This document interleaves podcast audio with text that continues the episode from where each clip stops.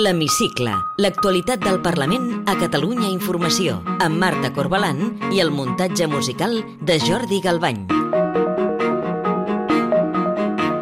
El conseller de Salut, Josep Maria Argimon, ha comparegut aquesta setmana al Parlament per donar explicacions sobre l'operació de compra de mascaretes que va fer l'Institut Català de la Salut a l'inici de la pandèmia de la Covid i que ha estat qüestionada per l'Oficina Antifrau. Argimon ha negat que es cometés cap irregularitat i ha admès que era una operació de risc però que s'havia d'assumir. Avui entrevistem el cap de l'oposició i líder del PSC, Salvador Illa. Benvinguts a l'Hemicicle. Al març del 2020, l'Institut Català de la Salut va contractar mascaretes i equips de protecció per la via d'emergència per un valor inicial de 60 milions d'euros.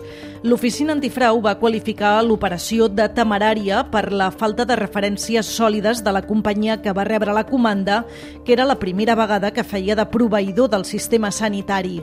El conseller de Salut nega cap irregularitat i creu que va ser un encert l'operació davant la gravetat de la primera onada de la Covid. Era una operació de risc, sí, però calia assumir-lo perquè no ens podíem quedar sense uns elements de protecció fonamentals per als nostres professionals. He de dir que sempre és més fàcil i còmode no assumir cap risc. Però la situació en què ens trobàvem, crec que tots els que vam intervenir en aquell procés de compra van fer el que tocava fer. Els grups de l'oposició han expressat comprensió davant l'emergència, però han demanat que es prengui nota perquè no torni a passar. Sentim la diputada del PSC, Assumpta Escarp, i el portaveu dels comuns, David Cid. Val la pena que tinguem en compte una, el que ens diuen els organismes de control i reguladors, sigui la situació i que també n'aprenguem de la mateixa manera que hem d'aprendre que també hem de començar a produir o hem de tenir esforços perquè així sigui, apoyant a la indústria més local. Més enllà si, no, si um, ens trobem no, només davant d'operacions temeràries i que no representen o no van suposar cap, no, cap, cap actuació des d'un punt de vista incorrecte, des d'un punt de vista jurídic, però com a mínim hauríem d'analitzar és a dir, què vam fer bé, què no vam fer bé i bueno, com podem intentar que això no torni a passar. Molt més dura ha estat la diputada de Ciutadans, Anna Grau, que ho ha comparat amb el cas Ayuso. Ha hecho usted hoy un Ayuso. A ver, con más educación, porque usted es um, una persona muy educada, pero se ha hecho usted un Ayuso. Se ha venido a decir, no, no lo podíamos hacer de otra manera, esto se tenía que hacer así. Aquesta setmana també ha comparegut al Parlament la consellera de Justícia Lourdes Ciuró i ha anunciat que a l'abril entrarà en funcionament un nou protocol de contenció de reclusos a les presons catalanes. La consellera creu que el protocol vigent és difícil d'aplicar i defensa que cal canviar-lo perquè als últims mesos s'ha detectat un augment del 31% de les agressions a funcionaris per part dels interns. La majoria de grups s'han queixat que en el nou protocol no s'han tingut en compte les recomanacions d'entitats de drets humans. Sentim el diputat de la CUP, Xavier Pellicer. Creiem també que no s'han inclòs tal com ens han traslladat entitats de drets humans, com l'Observatori del Sistema Penal dels Drets Humans, a propostes o qüestions que ells veien fonamentals de, de que es poguessin incloure en aquestes circulars, referides al control judicial, referides al control mèdic, referides a les alternatives a les contencions als llits, la consellera de Justícia nega cap vulneració de drets humans en el nou protocol. Consideren de veritat que es vulneren els drets humans quan s'afegeix més supervisió per part del personal mèdic en les contencions? Fins i tot des de les files d'Esquerra, la diputada Ana Balcera ha avisat dels perills de retocar el protocol. Nosaltres creiem, i des del màxim respecte, que hem d'apostar per un règim penitenciari modern i europeu. I fer segons quines uh, modificacions segurament ens allunya cap a aquest, cap a aquest sistema. El protocol vigent el va posar en marxa Esquerra quan estava al capdavant de la Conselleria de Justícia, però va aixecar polseguera entre els funcionaris que es van queixar que els deixava desprotegits davant d'eventuals agressions dels presos. Junts per Catalunya es va comprometre a canviar-ho quan va arribar a la Conselleria. I aquesta setmana també ha comparegut al Parlament el conseller d'Interior, Joan Ignasi Helena, a la Comissió d'Estudis sobre el model policial. Helena s'ha compromès a aprovar la nova llei de la policia de Catalunya l'últim trimestre d'aquest any amb aquest esperit. Una policia que posi l'accent en la prevenció i el principi d'intervenció mínima, que assumeixi que l'ús de la força ha de ser sempre l'últim recurs, però també tècnicament i tecnològicament molt preparada. Té la paraula. Soc Salvador Illa, eh, president del grup parlamentari Socialistes Units per Avançar i primer secretari del PSC i exerceixo com a cap de l'oposició al Parlament de Catalunya. La primera pregunta és obligada i passa per Ucraïna. Pedro Sánchez ha anunciat aquesta setmana que Espanya enviarà armes directament a l'exèrcit ucraïnès i està plenament d'acord? Sí, estic plenament d'acord i a més estic eh, molt orgullós, si, si em permet dir-ho així, de, de, de la resposta que ha donat el govern d'Espanya, que està donant el govern d'Espanya. No? Eh, S'ha de ser molt ferm per eh, contestar a una, a una invasió absolutament il·legítima i injustificada per part de Rússia d'un país d'un estat sobirà com és Ucraïna. No? I crec que s'ha d'actuar com s'està fent, amb la màxima coordinació eh, dins de la Unió Europea i amb els nostres també aviats de l'OTAN i amb la màxima contundència. Centrem-nos ja, si li sembla, eh, en casa nostra. Estem pendents que es torni a reunir la taula de diàleg entre els governs català i espanyol, però de moment no hi ha data, o almenys públicament no s'ha concretat encara la data. Creu que la resolució del conflicte català està en la llista de prioritats de Pedro Sánchez? Sí, crec que se n'han donat proves i crec que s'han fet passos molt importants. Ara hi ha una part de feina que també hem de fer nosaltres, no? i jo estic molt a favor de que reuneixi la taula de diàlegs eh, de diàleg entre governs. De fet es va reunir a la comissió bilateral que també va fer progressos però també estic molt a favor de que es reuneixi aquesta vegada encara per primera vegada perquè no s'ha posat en marxa la taula de diàleg, la taula de partits. Es diu diàleg entre catalans que també forma part dels compromisos que vam contraure amb Esquerra Republicana i que s'estan incomplint. No? Sí, és una prioritat pel president espanyol perquè no s'accelera les reunions de la taula de diàleg. Podria ser un senyal que no s'avança prou en les reunions preparatòries? No, no crec que sigui aquest fet, però fixi's, hem començat aquesta entrevista parlant d'una invasió russa d'Ucraïna, no? És a dir, mm, jo crec que tothom pot entendre que això altera els calendaris. De fet, la conferència de presidents que es havia de celebrar divendres de la setmana passada ha hagut de ser posposada i reagendada, no? I vam tenir també un mes de, de desembre i un mes de gener complicats, no?, en, matèria de, de la pandèmia, no? Per tant, hi ha hagut fets que han, que han eh, hagut d'ajustar el calendari. A mi em consta que s'està treballant i insisteixo, per mi la prioritat mm, és que reuneixi, però també que s'obri el diàleg entre catalans. Sense aquesta pota tampoc no ens enganyem, no avançarem les coses, no? El PSC creu que la solució, o si més no una part rellevant de la solució, eh, passa per un nou model de finançament autonòmic? Penso que això és un, una part important, no és tota la solució, però és un, un aspecte rellevant que hem d'abordar. No? De fet, nosaltres hem fet ja una primera aproximació d'una proposta.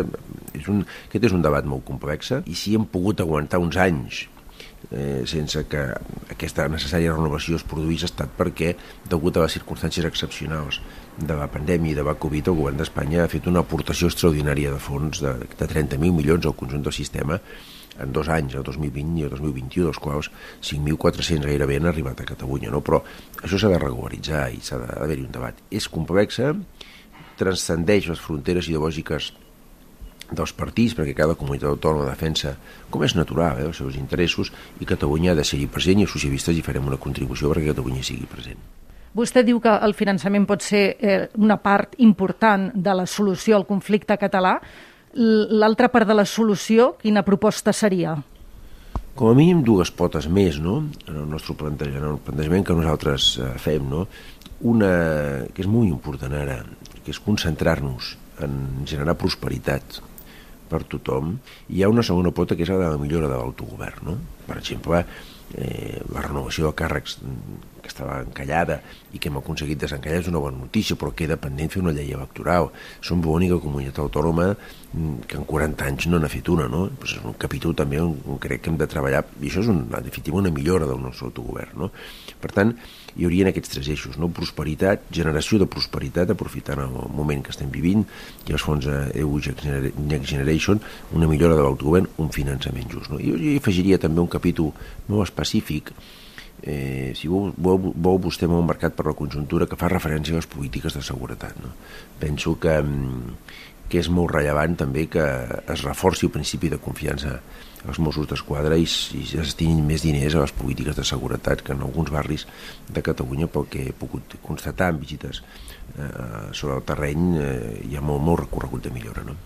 Al ple del Parlament de la setmana que ve es designaran ja els nous membres del Consell de Govern de la Corporació Catalana de Mitjans Audiovisuals i es completarà així una part important de la renovació de càrrecs institucionals que estaven caducats. Això ha estat possible gràcies a un pacte entre el PSC, Esquerra i Junts. Veu possibilitats d'entesa del seu partit amb els grups del govern més enllà d'aquesta qüestió, ara que la CUP es considera que no és sòcia? Amb tota sinceritat i també amb tot respecte, jo crec que a Catalunya convé un canvi de rumb. Penso que el govern, ara ja fa un any, no?, de les eleccions al Parlament de Catalunya del 14 de febrer del 2021, fa una mica més d'un any, no?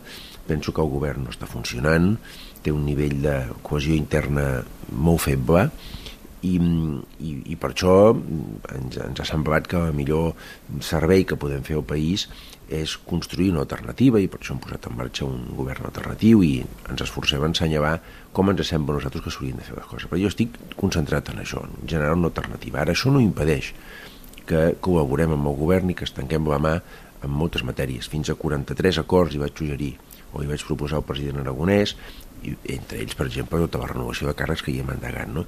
Per tant, jo no, no veig que més enllà de col·laboració amb energies renovables, amb mobilitat, amb un pacte industrial per Catalunya, amb una llei electoral, amb renovació de càrrecs, amb tot un llest de coses, jo no tinc cap interès en què, en què fracassi la gestió de, del govern i en què les coses no vagin bé a Catalunya, al contrari, més enllà d'això, amb tota franquesa la línia política que segueix el govern i el seu, eh, el seu capteniment i l'actuació que fan a mi em sembla molt fluixa i aposto per un canvi de rumb i en, aquest, en això estem, en generar una alternativa però insisteixo amb mà estesa en allò que pugui millorar la qualitat de vida dels catalans.